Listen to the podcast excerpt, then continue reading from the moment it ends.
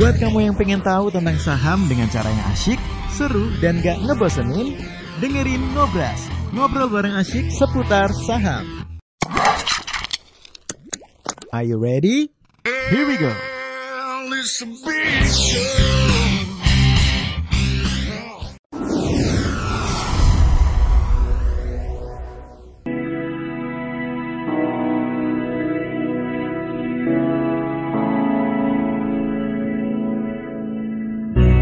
Kita masuk di klinik pasar nih sobat investor. Di mana lagi yang pasti sobat investor nanti nantikan ya.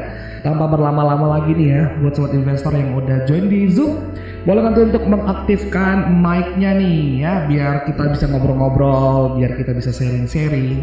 Atau sobat investor mau curhat nih ya gak, gak melulu soal pasar soal psikologis juga boleh. Soal misalnya kayak bagaimana cara menabung saham atau bagaimana apa aja gitu ya. Selama sobat investor bisa lega atau sorenya bisa tenang dan malamnya nanti bisa nyenyak bobo selama itu tidak mengganjal di hati sobat investor boleh langsung ngobrol-ngobrol. Atau cara bagaimana kah memulai untuk investasi? Bagaimana untuk mengajak teman cara mengajak teman supaya mau untuk investasi saham? Boleh sobat investor ya. Apa aja apa pun itu ya. Bukan melulu soal watchlist bukan melulu soal uh, emiten gitu. Di luar itu juga boleh kita ngobrol-ngobrol. Namanya juga klinik pasar ya. Hari ini bersama dengan Papa Talian Sabudiman dan ada Brogil. Selamat pagi, eh selamat sore bapak-bapak. Selamat sore. Selamat sore Pak Giri. Selamat sore Ibu sekalian. Selamat sore Bapak Ibu. Kayaknya pasang pertamanya udah udah, Udah ketahuan Pak. Semangat pagi dong ya. Oke, uh, sebelum kita ngobrol-ngobrol nih, ada Brogil yang bakal nge-share kondisi market kita hari ini. Sepertinya kita harus melihat market kita minus lagi nih, minus 0,87 persen nih Brogil. Silakan Brogil. Oke Bapak Ibu, jadi sebelum kita masuk ke inti dari acara itu sharing-sharing, coba kita mulai dulu dari review dari market kita nih sepanjang hari ini. Nah, hari ini market kita ditutup uh, turunnya 0,78 persen nih Bapak Ibu, 0,78 persen di angka 6.301. Nah, kalau untuk yang kita lihat yang di chart 60 menit ini, penutupan hari ini dan titik terendahnya hari ini pun mau konfirmasi untuk menutup gap yang kemarin diciptakan di hari Jumat kemarin nih Bapak Ibu. Jadi utang gap yang pertama memang udah terlunasi lah istilahnya. Nah, saat ini indeks kita supportnya belum berubah-ubah. Support yang paling dekat di 6250 dan yang agak jauhnya di 6150. Jadi range-nya adalah 6150 sampai 6250 nih Bapak Ibu. Selama indeks kita masih kejaga di antara uh, dua dua support itu area tersebut berarti memang untuk uh, trennya masih kejaga nih Bapak Ibu. Nah, seperti yang kita sempat bahas ber, uh, beberapa kali kalau misalnya ada penurunan atau kenaikan indeks itu misalnya indeks naik turun uh, turunnya cepat itu maka yang akan juga ter apa yang dampaknya signifikan itu bagi saham-saham yang korelasinya sangat tinggi nih dengan indeks. Nah, kalau kita lihat contohnya saja BBCA nih yang hari ini dia turun 2%, kemudian kalau kita lihat BMRI juga turun 2%, BBNI juga turun 0,8 persen, BBRI turun 0,88 0,86 persen, ASI yang seperti yang agak dalam turun minus 3,46 persen, dan Telkom seperti apa 1,74 persen, Unilever 0,74 persen dan AMSP 3,91 persen. Jadi makanya kalau kita lihat hampir hampir nggak ada nih yang bisa menahan indeks. Kalau kita lihat dari market capnya yang besar nggak ada nih yang berhasil. Kayak hijau lah hari ini. Semuanya hampir semuanya merah. Bahkan yang BCA dan BRI juga turunnya memang agak agak dalam sejauh ini. Seperti itu. Oke, jadi sebenarnya kalau misalnya kita lihat dari keadaan pasar saat ini, Bapak Ibu ya, uh, hari ini memang ditutupnya melemah ya, 0,87 persen. Dan kalau tadi seperti yang disebutkan sama Gilbert, hampir semua saham-saham yang market kapitalisasi besar itu mengalami penurunannya. Hari ini ada beberapa sektor yang memang agak tidak terlalu terpengaruh lah sama indeks. Satunya adalah uh, ternak ya. Java. Coba ya, coba kita lihat ya. Ya, Java. Cepetnya yang turun ya. Main Ininya. Oke. Dengan mining Pak. Sama ini ya. Ada harus segala macam. Ada yang melihara kita main tipis tipis Indiana. Nah, Indiana Jadi kalau misalnya dilihat juga sebenarnya kalau dilihat ya bukan sektornya, tapi memang ada beberapa perusahaan yang memang secara market kapitalisasi mereka nggak terlalu besar, jadi nggak ada terlalu besar lah pengaruh terhadap pergerakan indeks ya, yang memang eh, masih cenderung masih mengalami kenaikan ya Bapak Ibu. Jadi sebenarnya kalau tanya Pak sebenarnya pasar seperti ini normal atau enggak sih? Jadi memang kalau dilihat eh, keadaan saat ini eh, dibilang kalau misalnya nggak bagus juga normal-normal aja sebenarnya Bapak Ibu. Cuma memang ada yang ditunggu sama pasar itu adalah gimana caranya bank sentral di luar sana itu menenangkan pasar obligasi. Jadi sebenarnya itu lebih lebih menekan ke arah sana sih.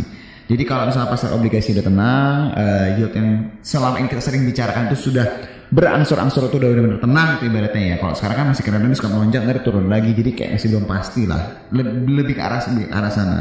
Itu yang membuat akhirnya pasar tuh kayak cenderung kayak hati-hati gitu, kayak mau gerak takut salah, mau turun juga tiba-tiba naik gitu ya. Anda pasti berpikir seperti itu. Nah kalau misalnya tanya masalah yield ini kita mungkin nggak bosan ya ngebahas masalah ini. Ini pasti pengaruhnya ke saham-saham yang memang secara valuasi udah terlalu udah tergolong tinggi lah kalau boleh dibilang. Jadi kalau seandainya anda punya posisi di suatu emiten yang memang secara per gitu ya, misalnya price earning ratio-nya, wah udah tinggi banget, udah 50 atau 70, biasanya itu nggak pernah sampai segitulah secara rata-rata dia. Nah itu yang sebenarnya paling rawan terkena koreksi sebenarnya. Kenapa? Karena seperti yang sering kita bahas di pagi-pagi bahwa salah satu melakukan valuasi saham itu adalah melihat eh, variabel cara menghitungnya ada ada variabel itu salah satunya adalah eh, suku bunga yang bisa dibilang tidak ada resikonya ya jadi imbal hasil tidak ada resikonya normalnya di pasar itu kita menggunakan cara hitungan itu pakai imbal hasil dari surat utang negara di suatu suatu negara. Jadi kalau misalnya ngomong valuasi Indonesia kita pasti akan lihat imbal hasil dari surat utang yang ada di negara tersebut itu di Indonesia. Kalau di Amerika berarti surat utang di negara Amerika. Nah normalnya digunakan itu adalah surat utang 10 tahun lah normal. Normalnya sering digunakan. Jadi kalau yieldnya ini terus naik, otomatis mereka secara valuasi yang terlalu, terlalu tinggi, otomatis pun juga pasti akan terkoreksi ya Pak Ibu. Jadi keadaan seperti ini untuk saham-saham, untuk perusahaan-perusahaan yang memang secara valuasi rasionya, rasio pasarnya saya ambil contoh paling gampang ya, tarik tinggi sekali, itu yang lebih cenderung bisa berpotensi kena koreksi Bapak Ibu. Jadi eh, mungkin ada nggak kok ada ya saham-saham yang juga dia nggak turun dia naik juga jadi kayak ganti-gantian gitu Bapak Ibu jadi ingat ya eh, mereka yang punya valuasi paling tinggi itu yang normal kena koreksi saat ini jadi kena rotasi lah ibaratnya kayak gitu. Kayak gitu kurang lebih. Bapak Ibu. Jadi yang mau ngobrol-ngobrol start dari sekarang yang mau tanya-tanya karena biasanya ketika pasarnya buka itu kita masih tenang-tenang aja ya tanya oh pak ini oke pak supportnya di sini gini gini. Oh ceritanya bagus pas pasar tutup. Duh salah nggak tadi saya beli ya? Aduh apa saya harusnya tadi jual ya? Atau harusnya saya ngapain ya? Ini sudah ada yang bertanya dan sudah ada yang angkat tangan Drik boleh kita kasih open mic untuk Pak Richard Lumi ini udah angkat tangan terlebih dahulu Halo Pak Richard Lumi, selamat sore. Selamat sore. sore Pak Selamat sore. Selamat sore Pak Fat, selamat sore. Selamat sore Pak. dan. Siap Pak Richard. Selamat sore. Selamat sore Pak Richard. Halo, enggak. Oh iya iya iya. iya. agak putus-putus tadi Pak signal atau gimana? iya tadi agak putus-putus Pak Richard ah ini aman nih Aman. Ah aman. iya iya, aman aman. ya Ya mungkin jaringan di sini. oke Pak apa yang kita bantu Pak Em, ya memang kita tahu kan ya SB merah kan sekarang. Iya. Nah yang kita mau tanya kan ini eh, saya kan agak baru juga yang kalau kita baru uji coba juga sih yang beli yang blue chip ah, yang BBRI Oke.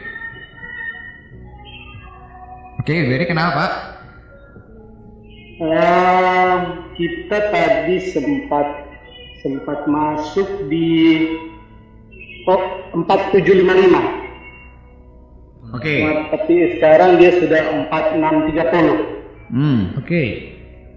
Nah ini kan eh, yang saya tanyakan ini kan eh, saya juga eh, apa bukan uji coba tapi saya mulai merubah eh, gaya trading yang yang waktu awal-awal itu sukanya satu dua hari langsung Sel. ambil cuan atau langsung cut loss. Nah Ya. ini saya coba kan untuk lebih ke swing. Oke. Bisa kedengaran? Kedengar, kedengar, jelas. Kedengar, kedengar, kedengar. Halo? Halo Pak, jelas Pak. Oh kenalan. Oh, oke, jelas, oke. jelas, Nah, jelas. ya, jelas, jelas. Oke. Nah, eh, akhirnya saya mulai memutuskan untuk eh, mengganti style, yaitu lebih ke swing.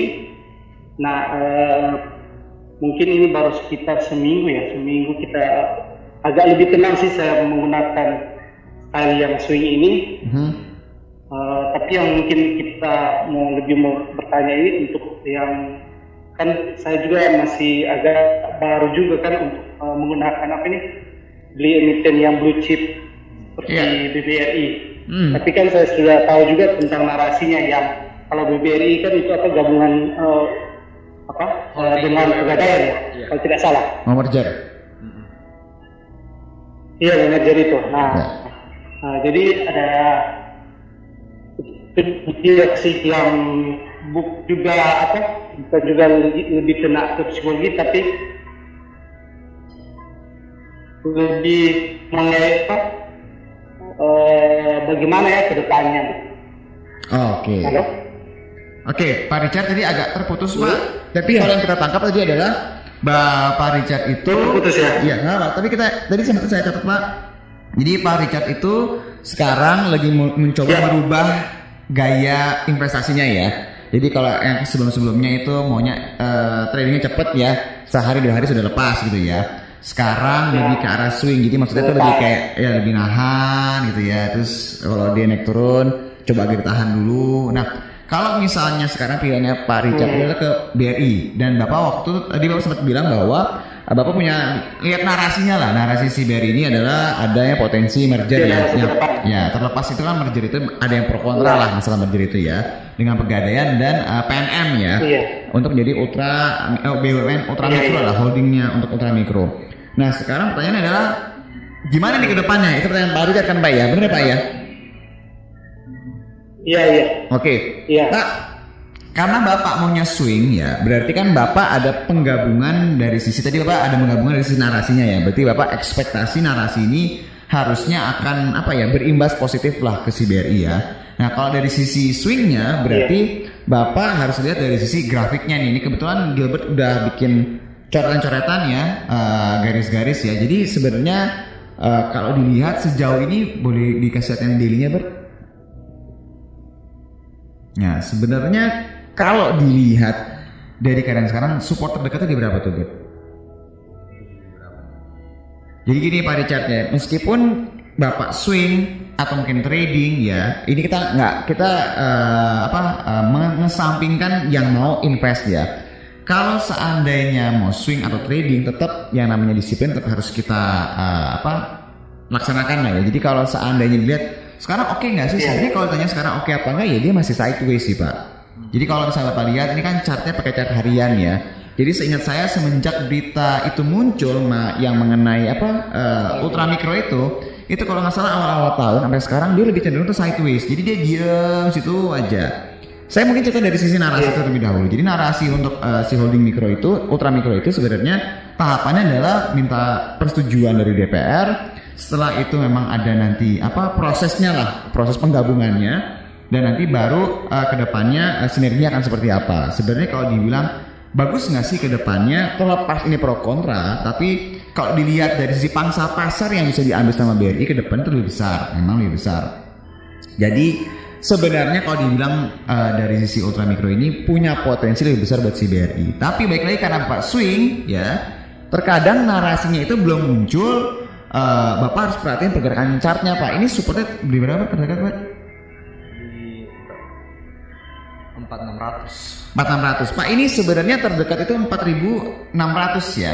Tapi kalau misalnya ngelihat gitu ya, kalau ngelihat ya ini karena sahamnya saham blue chips, biasanya tuh pergerakannya itu dia agak mengayunnya tuh agak agak dalam gitu kan kalau ngayun ya. Ini eh, kita ngomong apa adanya ya Pak ya. Jadi kalau misalnya saham blue chips normalnya suka agak ngayun agak dalam ya kalau sekali ngayun itu memang support kuatnya itu ada di berapa tuh? 3 394 ribu ya, Bro? Eh, enggak ya?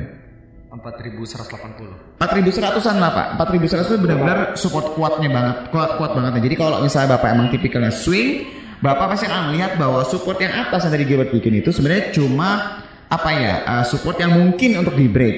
Tapi yang di bawah itu yang sebenarnya paling kuat. Jadi kalau dia nge-swing ya normalnya tuh bisa ke arah yang support yang kedua sebenarnya. Ini saya ngomong apa adanya Pak ya. Kalau yang marketnya itu nggak kondusif. Iya, iya. Tapi kalau seandainya uh, uh, marketnya udah mulai kondusif, dia salah satunya pasti akan apa ya penggeraknya in- IISG lah kalau boleh dibilang. Ini kecenderungannya sideways sih pak. Dia nggak ada pola dia mau naik lebih kencang atau turun lebih kencang. Ini belum kelihatan sih sekarang. Selama dia di atas 4.100 sampai 4.600 seperti itu ya. Range-nya ya? Iya itu itu range-nya agak besar memang. Ya dia masih menjaga pola sideways-nya sih.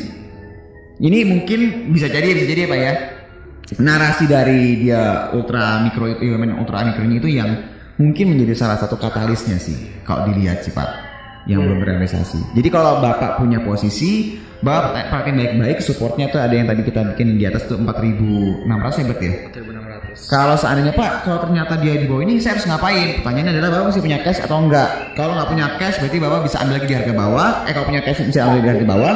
Kalau nggak punya, bapak bisa atur nih. Oke, saya nggak punya cash lagi, saya atur deh 20%, 30% atau berapa puluh persen, saya buang dulu, ntar saya ambil lagi di harga bawah. Iya. Gitu. Jadi kalau emang niatnya swing, ya ngeliat keadaan seperti ini, Pak Richard bisa ngelakuin hal tersebut sih Pak Richard.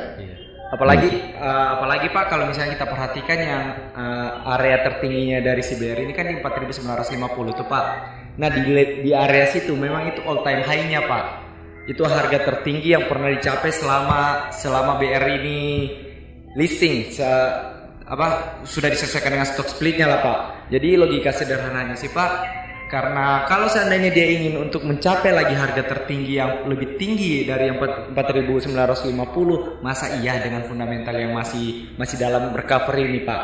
Gitu jadi kayak butuh butuh sentimen yang kuat selain tadi uh, holding ultra mikro supaya dia bisa terangkat nih mencapai di all time high-nya Pak. Nah, contoh beberapa saham yang seingat saya yang dia sudah mencapai all time high-nya karena memang didukung oleh uh, perbaikan dari uh, apa namanya dari peningkatan dari kinerjanya itu salah satunya ASA dengan WIM Pak.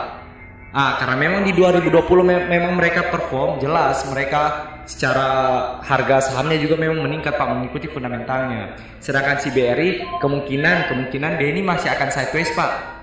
Mungkin mungkin dalam waktu dekat belum kita nggak tahu mungkin dia belum akan menyentuh yang membuat harga tertinggi yang paling tinggi Pak. Nah, kemungkinan dia akan konsolidasi di area-area yang tadi yang 4180 sampai 4600 dulu Pak. Gitu Pak. Oke, oke. Gitu Pak Richard. Sip, sip. Mantap Pak Richard. Ya, Ya, eh, kalau kita lihat sih, em, memang mungkin yang style yang swing ini agak nyaman sih buat untuk untuk saya Oh, sendiri. oke. Oke. Ya, karena eh, menyangkut juga pekerjaan dengan apa semua, Ya. eh, agak lebih tenang sih.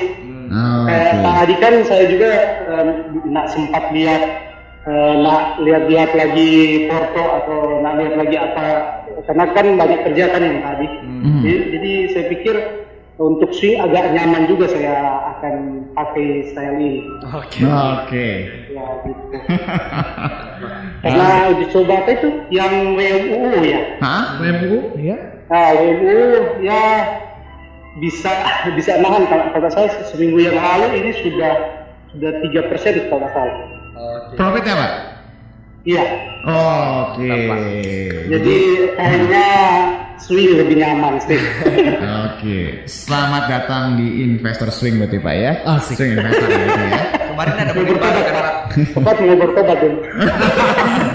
Enggak Pak, masalah style itu setiap orang beda-beda. Beda-beda Tapi ya, Mas, ya? Kalau Bapak dengan sambil kerja Bapak nyaman, berarti ya itu yang cocok sama Pak Richard. Itu yang Bapak pertahankan sambil Bapak asa terus Pak. Sambil pelan-pelan pasti ketemu ininya, nyamannya. Gitu Pak Richard. Mantap Pak Richard. Dengan apa saya ambil juga beat tadi.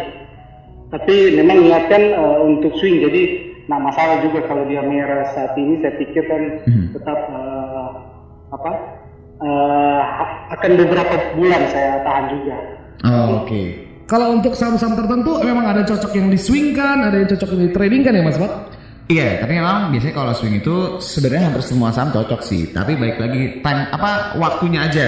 Heeh. Selama momentumnya ada ya dia pasti masih oke. Tapi kalau mau waktunya dihilang, bisa yang cuma seminggu. Misalnya menjelang stock split, ada yang menjelang laporan keuangan, Ada yang menjelang misalnya mau issue, ada yang memang dia mungkin nunggu laporan keuangan tahun ini gitu. Jadi macam-macam sih eh, ininya. Yang penting Bapak nyaman itu yang paling cocok buat Bapak. Ada nggak sih kategori kategori saham yang wajib diswingkan, was gitu misalnya ciri-cirinya gitu?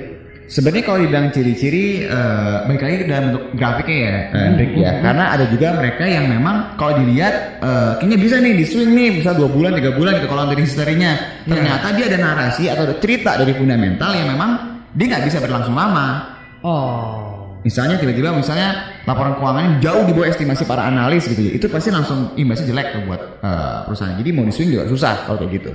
Kalau melihat dari volume atau market cap belum tentu.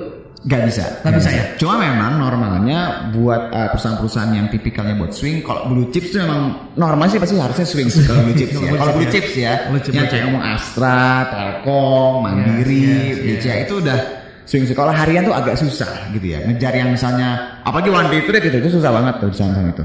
Oh, oke oke oke oke. oke. Gimana Pak Richard? Masih ada lagi Pak Richard? Sudah aman. Siap. Sip Pak. Mantap deh. Mantap. Kita ketemu lagi ngobrol-ngobrol lagi Pak ya. Semangat Pak Richard ya. Oke. Oke Pak, terima kasih Pak Richard. Makasih, makasih. Oke, ada di sana disambut langsung estafetnya sama Om Nugroho Sumedi. Halo Om Nugroho. Halo Pak. Selamat sore Pak Fat, Sore Pak. Selamat sore. Pak. Pak Gilbert dan Pak Henry. Saya newbie nih, Ya Pak.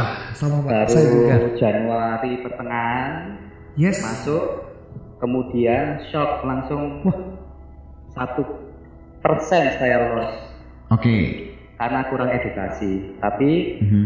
ketika saya mengikuti banyak edukasi di panen saham, saya berterima kasih uh, Mhm. untuk panen saham. Kemudian kami punya grup di Surabaya itu Mhm. di bawahnya Pak Kopal itu. Hmm. Kemudian Februari Mhm. sudah bisa uh, untung 3 persen. Oh, alhamdulillah Pak. Mantap Pak. Nah, uh, Ya.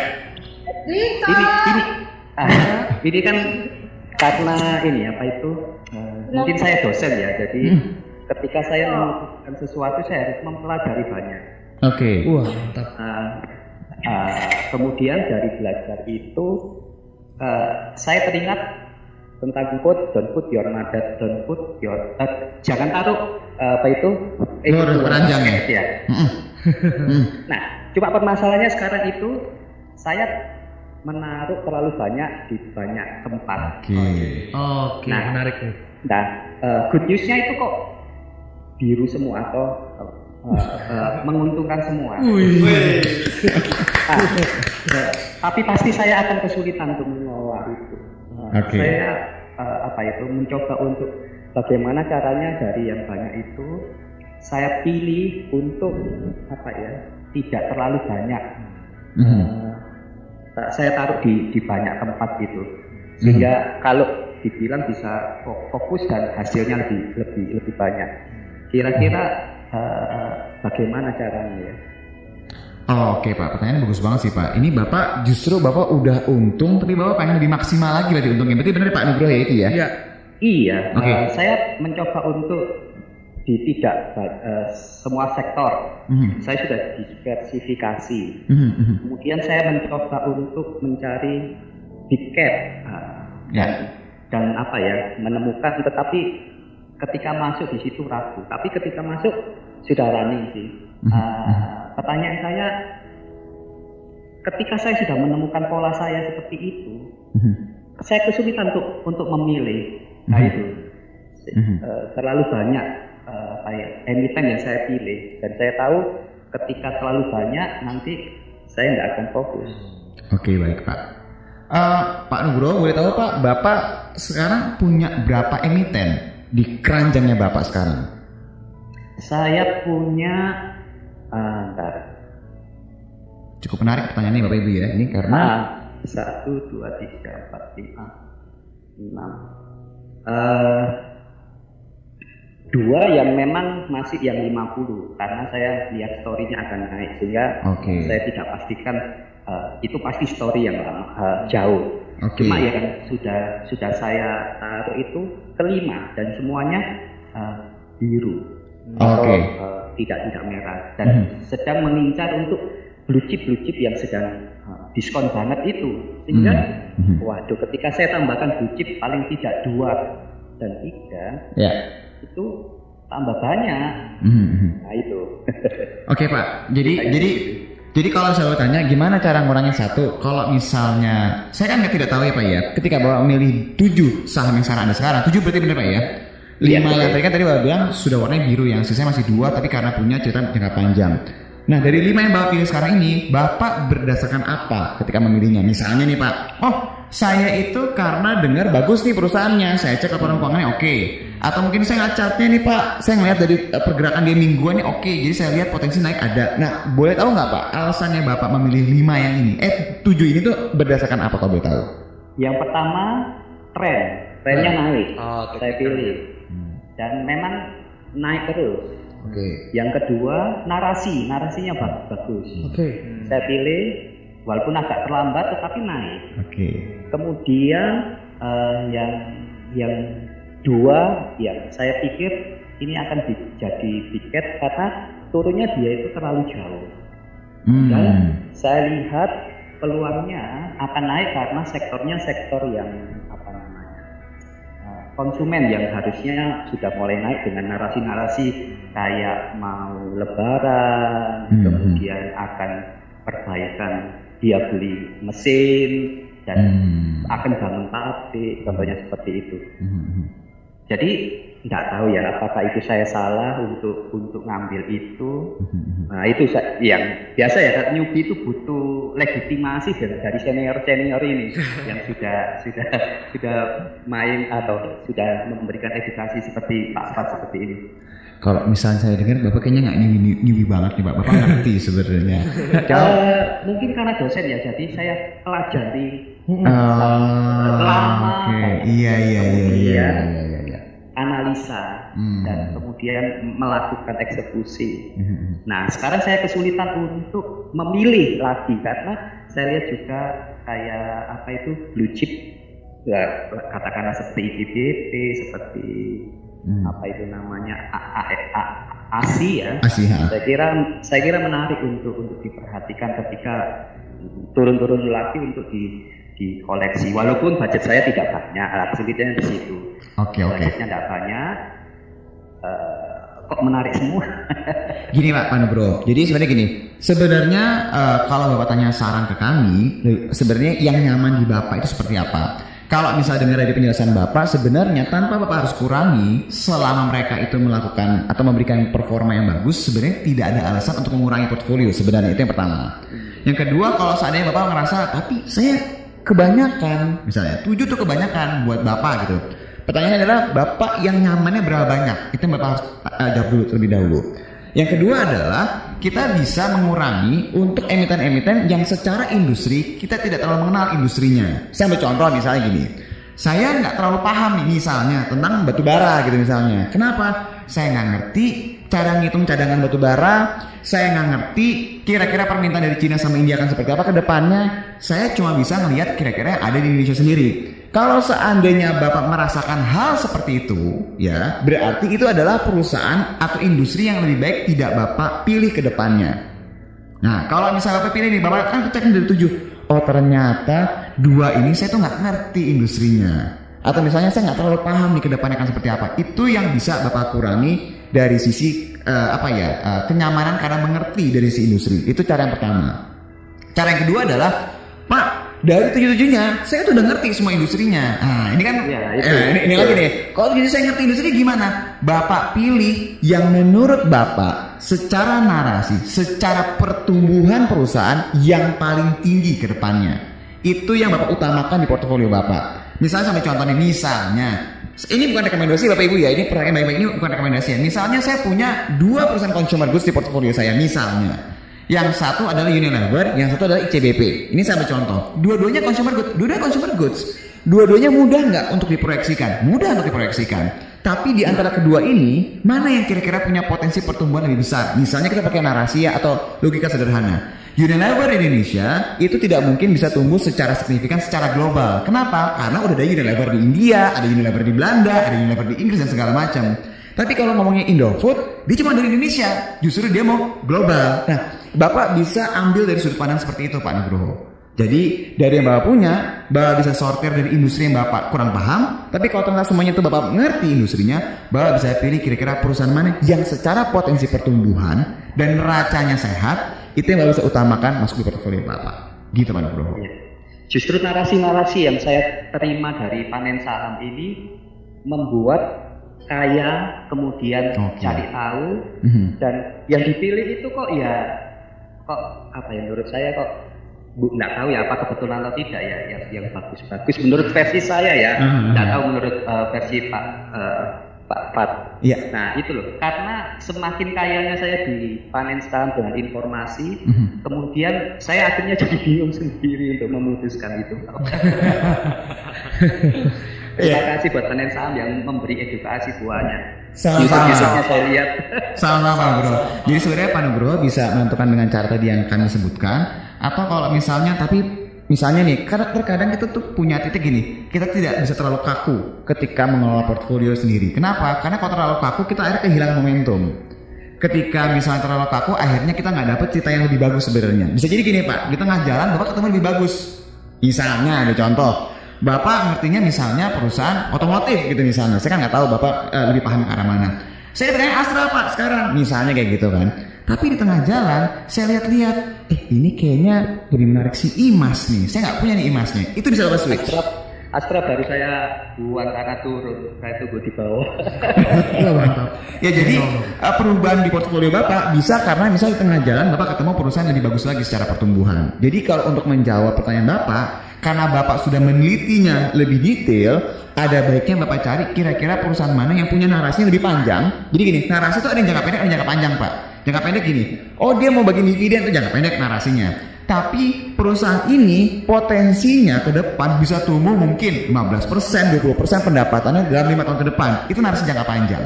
Nah, Bapak mau berapa lama nih investnya? Kalau Bapak mau agak lama, Bapak cari yang narasinya panjang, potensi pertumbuhannya bagus, dan dia secara keuangan juga sehat. Bisa kayak gitu Pak Nugroho. Tapi baik lagi, yang namanya mengelola portfolio terkadang kita tuh nanti ada titik gini. Aduh, kayaknya kurang kenceng nih naiknya nih. Kayaknya saya perlu adrenalin yang lebih ini. Saya bisa nyari perusahaan yang lebih bagus lagi. Ah, nanti ketika Bapak di titik seperti itu, Bapak cari perusahaan yang punya potensi pertumbuhan paling besar. Itu yang kuncinya sih Pak. Gitu Pak Nugroho. Gitu Pak. Ya, ya Terima Pak. Sama-sama. itu, Usul, Ya, eh, saya lebih nyaman ketika yang baru-baru ini kemudian ada komunitas yang lebih kecil. Oke. Sehingga eh, ketika seminggu sekali kumpul itu kita bisa curhat, kita bisa ketemu. Paling Hmm. tidak eh, apa itu eh, nggak ada sungkan Pak ya. itu, iya di saham itu tidak hanya cari cuan dan eh, trading dan lain-lain, tetapi komunitas itu penting. Sehingga eh, di Surabaya eh, saya kira walaupun yang kumpul hanya tiga empat orang, tapi berarti bagi saya paling tidak tahu oh ditambah historinya seperti apa, historinya seperti apa, begitu sih. Baik Pak, kita simpan eh, ininya. Nanti kita coba implementasin Pak ya, supaya bisa lebih mengakomodir lah eh, seperti Pak Ya, di sana. saya coba untuk juga ini Pak Pat untuk ngajak mahasiswa-mahasiswa kesulitannya untuk ngajaknya gimana ya Pak Pat ya? Gimana mas ke mahasiswa mas? Kalau misalnya mahasiswa, sebenarnya gini, eh, untuk mereka yang jauh lebih muda ya usianya, ya, biasa tuh mereka secara profil resiko agresif pak. Dan yang kedua mereka mencari tantangan sebenarnya buat mereka yang jauh lebih muda. Biasanya kan begitu kan ya. Jadi sebenarnya kita tidak bisa memaksa mereka, tapi kasih sedikit gambaran bahwa kira-kira akan seperti apa ke depannya. Nah itu tuh juga nggak bisa terus menerus kayak kita paksa. Jadi kayak sekali-sekali kayak ngobrol santai atau mungkin kayak kasih gambaran eh, tertentu. Karena pada dasarnya ketika nanti mereka, eh, iya juga ya, menarik itu nanti mereka akan belajar sendiri pak. Karena itu sebenarnya saya pernah pernah ngalamin hal yang sama. Karena ketika kita misalnya mencoba untuk mereka yang memang nggak ada backgroundnya atau mungkin nggak ada minat lah ibaratnya, itu mereka akan merasa, aduh nggak menarik deh, kayaknya pasar modal itu kerasa banget waktu zaman dulu. Tapi kalau sekarang karena ada sosial media, influencer banyak, mereka lebih kayak ini kan kayak tren sebenarnya kan. Nah ini tinggal diarahinnya aja pak yang baik supaya mereka tuh nggak tersesat jalannya. Gitu Pak Nugroho. Oke, Gitu. terima kasih. Sama-sama Pak. Nanti kita ngobrol-ngobrol lagi Pak Nugroho ya. Ya siap. Ya nih Pak, terima kasih. Oke, melanjutkan tongkat estafet ada Om Philip di sana. Selamat sore Om Philip.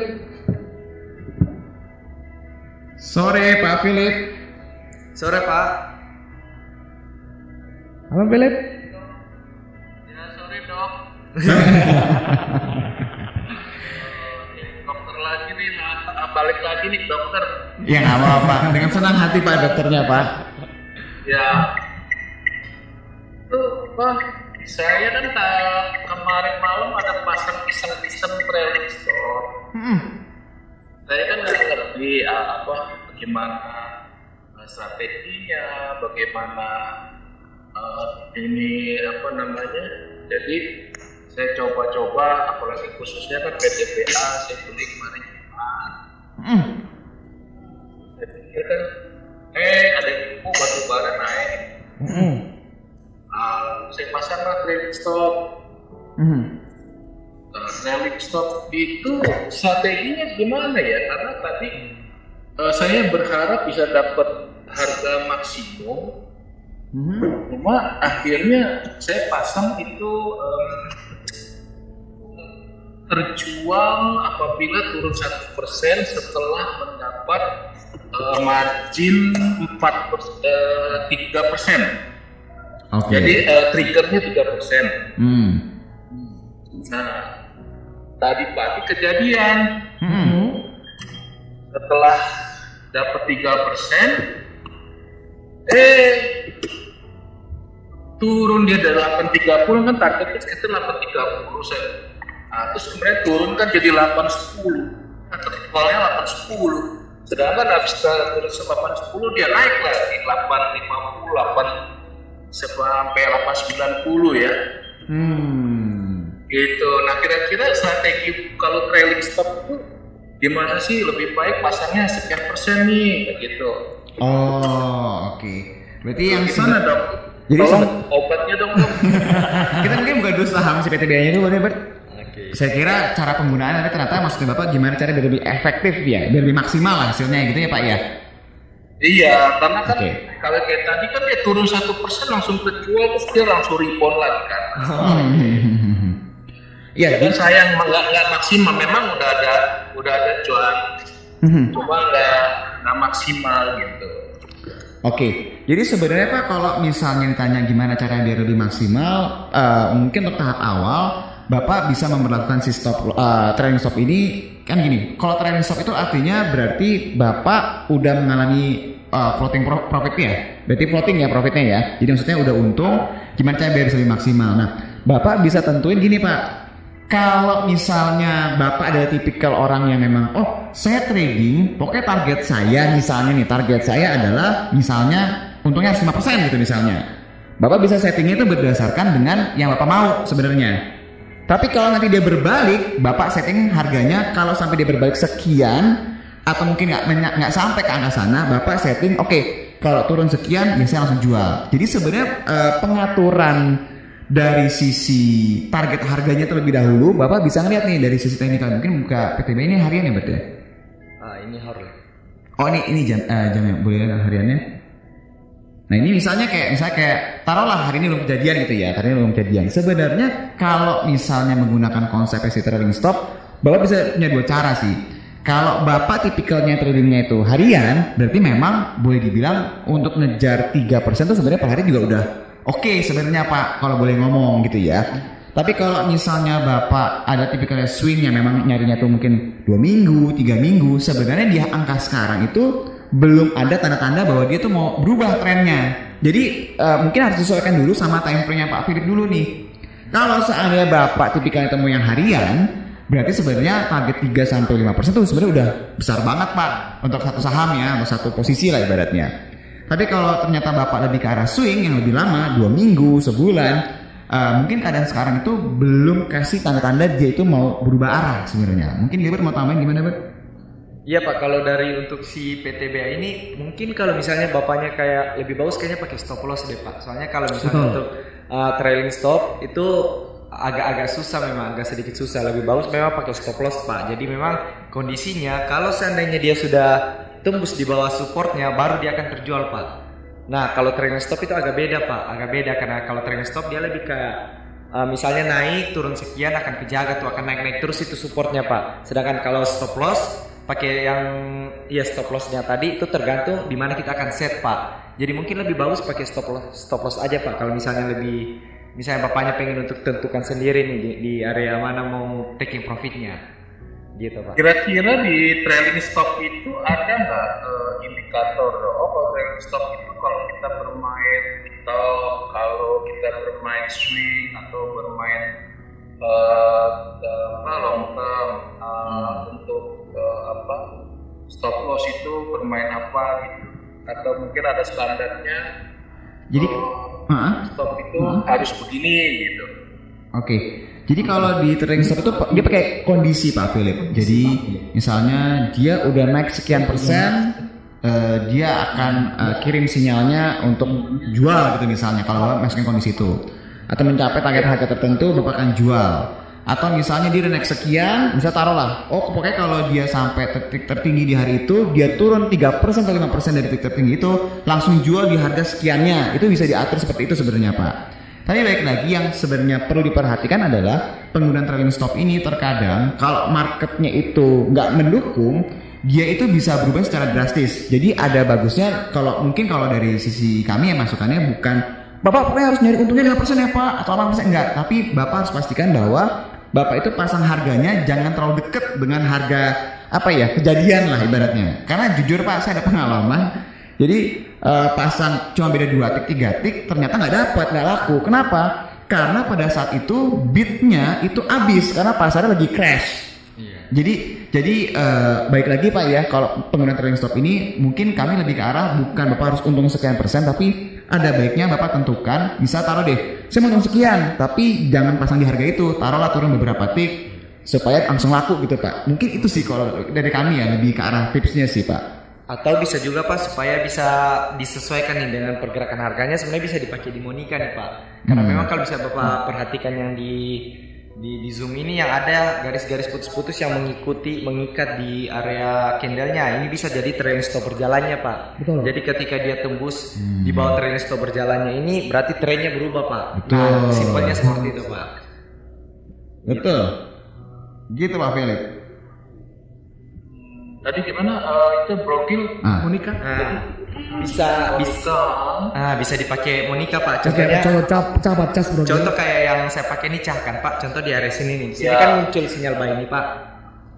Bapaknya lagi ya. yang di yang di kita tolong di di di, di uh, uh, apa di di arrow arrow Oh, sebentar ya. yang mana Bentar Pak ya. Kasih tanda kanan mouse nya ya. mouse Oke. Ah di area sini kan muncul Oh, sinyal buy ini Pak. Ah. Nah kemudian kalau kita perhatikan yang berjalan ini yang yang sebentar Pak ya. Ah, yang ada yang garis-garis yang berjalan ini Pak. Titik-titik Pak, ini titik. Titik-titik. ya Ah ini trailing stopnya Pak. Iya. Jadi selama dia selama dia belum tembus di bawah trailing stopnya masih ditahan aja pak. Nah dia tembusnya waktu di mana? Waktu di sini pak. Nah, sebentar. Waktu di area sini dia tembuskan pak. Ah di sini juga di sini nih area jualnya nih pak. Ya, Gitu. betul. Jadi karena trennya berubah lagi. Tinggal kayak di sini yang beberapa hari, beberapa minggu lalu, waktu Monica kasih sinyal buy di area sini, ini kan ada trailing stop berjalan ini pak. Nah sampai sekarang memang trailing stopnya ini belum kena. Kalau trailing stopnya ini udah kena, berubah tren lagi untuk si PTBA ini. Gitu pak kalau untuk simpelnya. Angka trailing stopnya yang mana bro Gil? Nah Yang angka trailing stopnya gini pak. Ini Ungu. Dua ungu. 2636 oh itu. ungu itu ya Iya. Itu berubah tiap hari ya? Berubah tiap hari. Kalau misalnya nanti dia naik, angka jadi trailing stopnya trailing stop lagi. itu kan pakainya percentage ya Hmm. Mhm. bukannya pakai angka ya Kalau di sistem bisa kita atur pakai angka kok Pak. Kalau di sistem bisa diatur pakai ini pak, pakai bisa pakai persentase, bisa pakai angka pak. Betul. Nah, kalau di Monica dia cuma mengikuti di area-area itu pak, di area-area angka. Itu ya? Iya. Oke oke nanti saya ini deh kursus sama dokter Pante Siap Pak Philip. Ditunggu Pak. Iya, nanti private kursus private deh. Nah, masa masa itu doang yang saya juga mau private. Balas nih balas. Siap deh Pak. Siap. Nah, Oke, thank you ya, thank you ya, makasih dok. Ya, sama-sama. Philip. Ya, selamat sore. Selamat sore. Oke, lanjut lagi tongkat estafetnya ke Om Robi di sana. Om Robi siapa? Selamat sore Om Robi. Halo Om Robi. Udah di Selamat sore. Selamat sore, Sore Pak Robi. Selamat sore Pak. Selamat sore Pak Fat. Jadi Siap, Selamat sore Om Robi. Ada dua pertanyaan. Maaf saya nggak bisa video on ya. Nggak apa-apa, Karena nggak handphone lagi dipakai sama anak. Nanti digantikan sama Hendrik aja Pak videonya Pak. Bang Hendrik tolong videonya kan? Oleh. Gimana Pak? Pak Fat. Ya. eh, ini dua pertanyaan.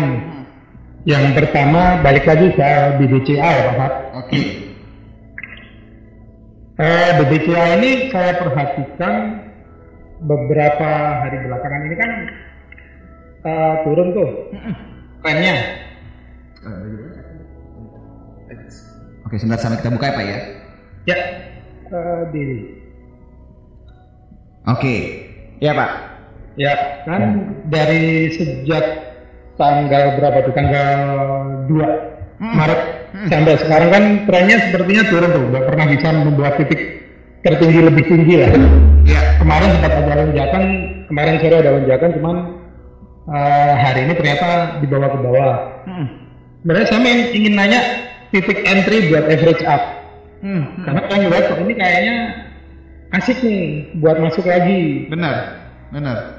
Nah, tinggal cut di mana baiknya eh, averaging average eh sorry average up saya bisa dilakukan. Oke. Saya ada harga ada barang di bawah. Oke, Itu yang pertama. Mhm. Yang kedua terkait satu emit satu sektor ini yang kayak cepin jaka sama WNUU itu loh pak Oke, Unggas.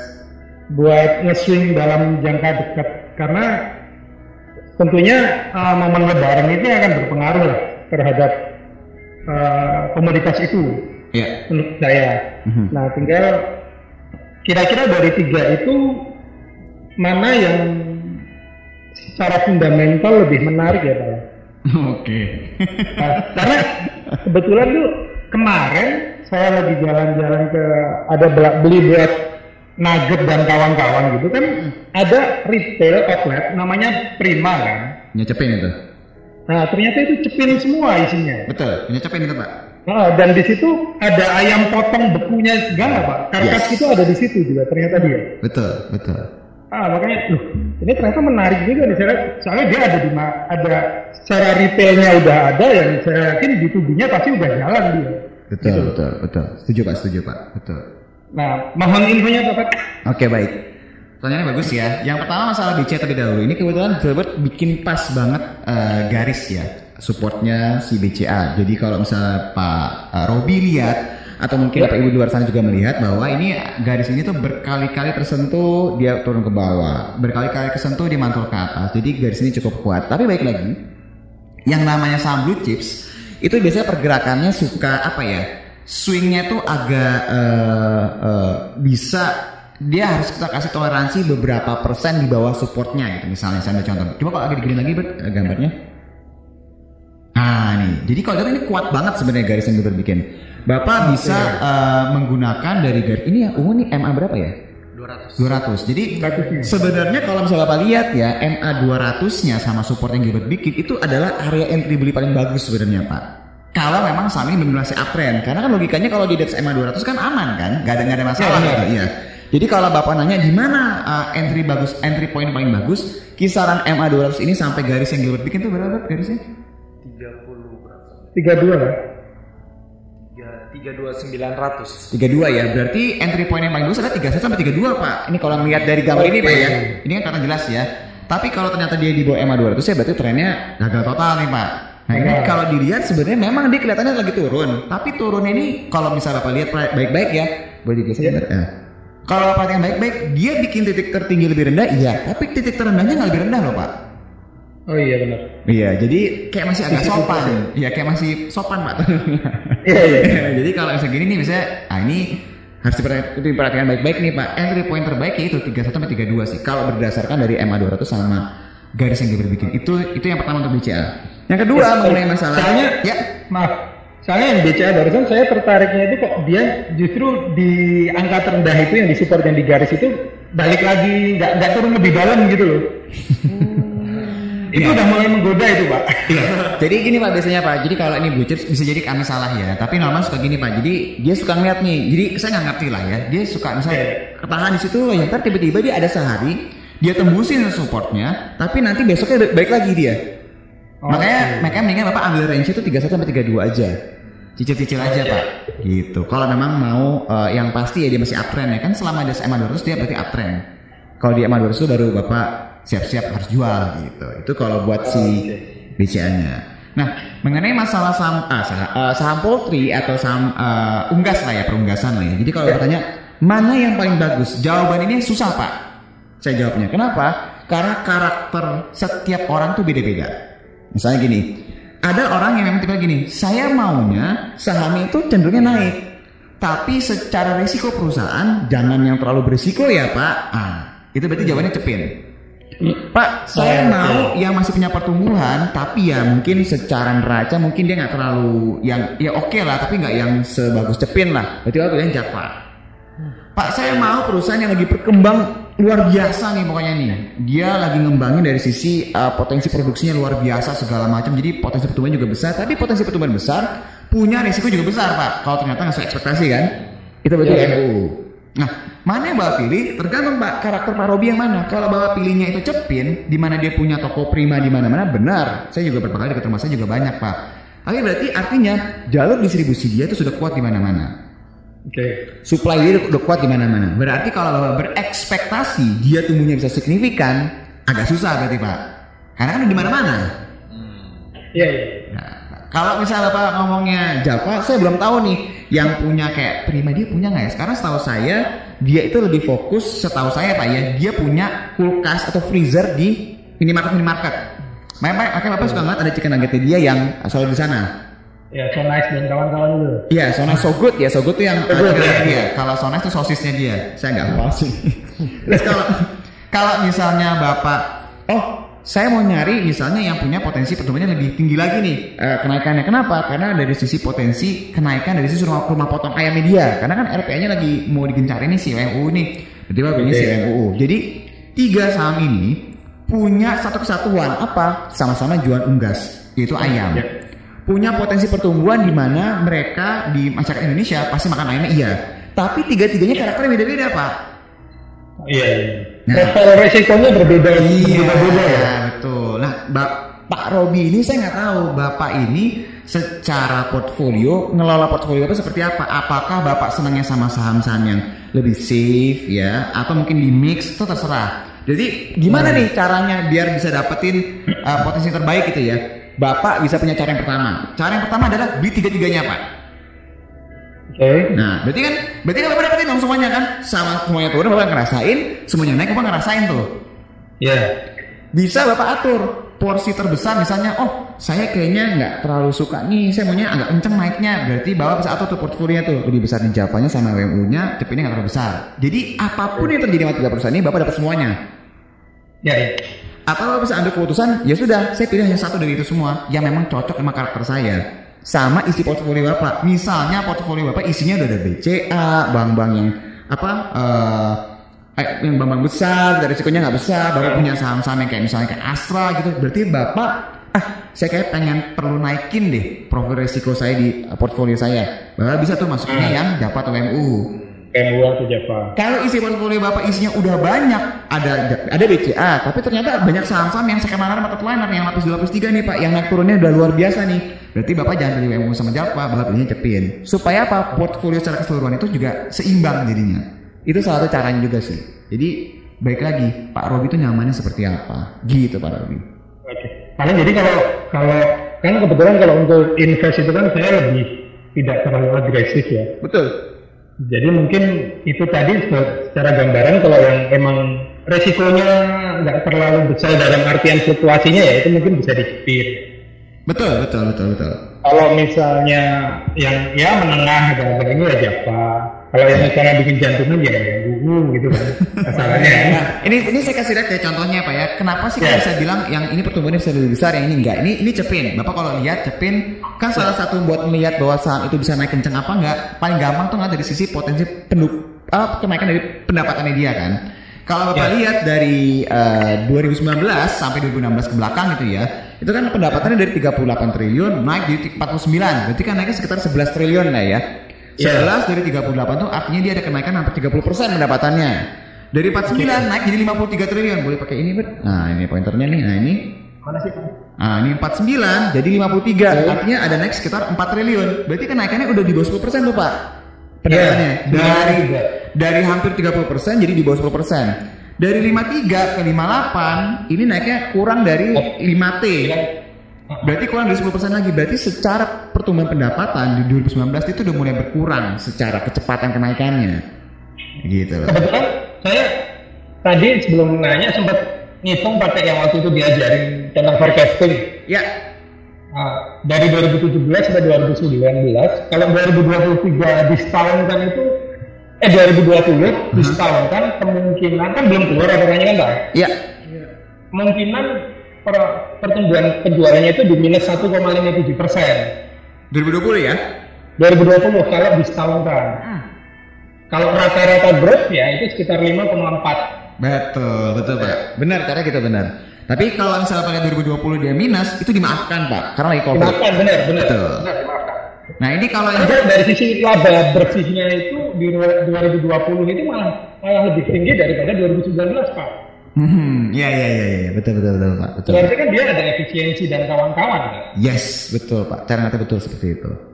Nah kalau yang Java Bapak lihat ini secara pendapatan juga kenaikannya juga udah nggak signifikan, malah dia di 2020 ini emang masih turun lah ya. Tapi kalau dari sisi pendapatan dia juga nggak terlalu signifikan, paling cuma sekitar berapa nih? Ya 15 persen, 10 persenan juga lah. Nah tapi kalau dilihat dari sisi eh, apa dia tuh ada beban bunga yang akhirnya bisa mengurangi laba operasinya dia, eh laba bersihnya dia pak. Makanya kalau bapak lihat kenapa Javanya naik bisa kencang, salah satunya adalah dia sekalinya turun yang signifikan, pasti membalnya juga signifikan naiknya. Itu itu ciri-ciri perusahaan yang memang apa ya eh, fluktuatif lah secara laporan keuangan. Ya itu itu dari sisi Java tuh. Makanya saya bilang karakternya agak beda sama Cepin. Tapi kalau WNU bisa nggak katakan buat? Saya nggak tahu udah muncul laporan keuangannya dia. ya. Oh udah muncul. Berarti di poultry ini emang ininya fluktuatif banget ya Pak? Iya pak, harga ayam kan naik turun pak. Iya iya. iya. Iya. Nah ini kalau lihat yang WU agak beda. Bapak lihat tuh pendapatannya. Tahun 2017 90 miliar. 2018 150 miliar. 2019 576 miliar. Kenaikannya kan ini eksponensial kan? Iya. Tapi ingat karakternya berbeda. Jadi ekspektasinya pun juga harus dibedakan antara ketiga itu. Gitu Pak Dopi. Oke siap. Pak Robi. Semangat Pak Robi.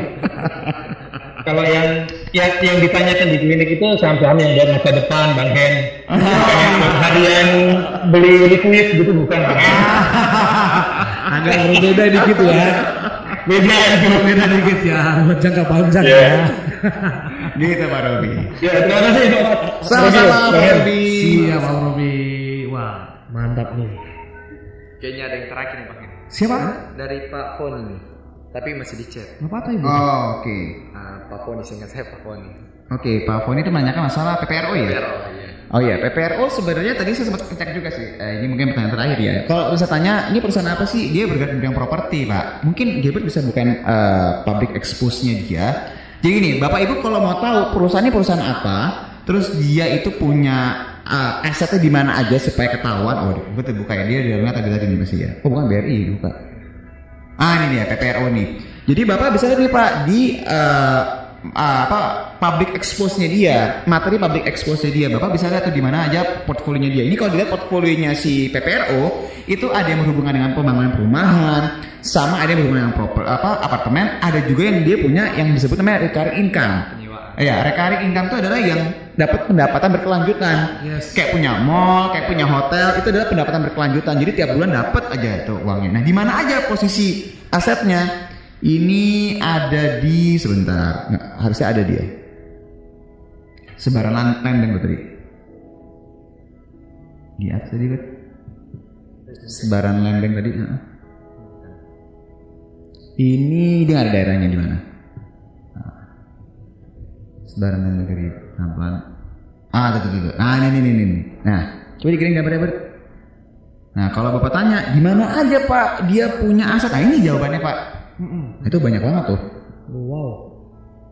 Di daerah Jawa ada, Sumatera dia hanya berapa? Cuma dua ya. Kalimantan cuma satu. Jadi ini memang fokusnya di daerah Jawa. Pak. Jawa ya. Jawa banyak. Gitu. Jadi Sulawesi belum. Segera kayaknya. Ber. Jadi kalau misalnya Bapak Ibu tanya di mana, Bapak Ibu bisa ngeliat di materi public expose dia, ini kelihatan bahwa dia punya portfolio tuh semuanya, mayoritas ya, bisa dibilang semuanya lah ya, itu di Jawa. Dua ada di Sumatera, satu di Ka- Kalimantan. Gitu Pak Foni. Oke. Oke, terima kasih. Pasien penyiar. Ya nanti dimatiin lampunya dulu. Oke, terima kasih buat Pak Fat. Sama-sama. Terima kasih buat siapa lagi nih? Bro Gael. Sampai-sampai. Bye bye. Bye bye. Bye-bye. Kamu baru aja dengerin Ngobras, ngobrol bareng asyik seputar saham. See you to the next episode.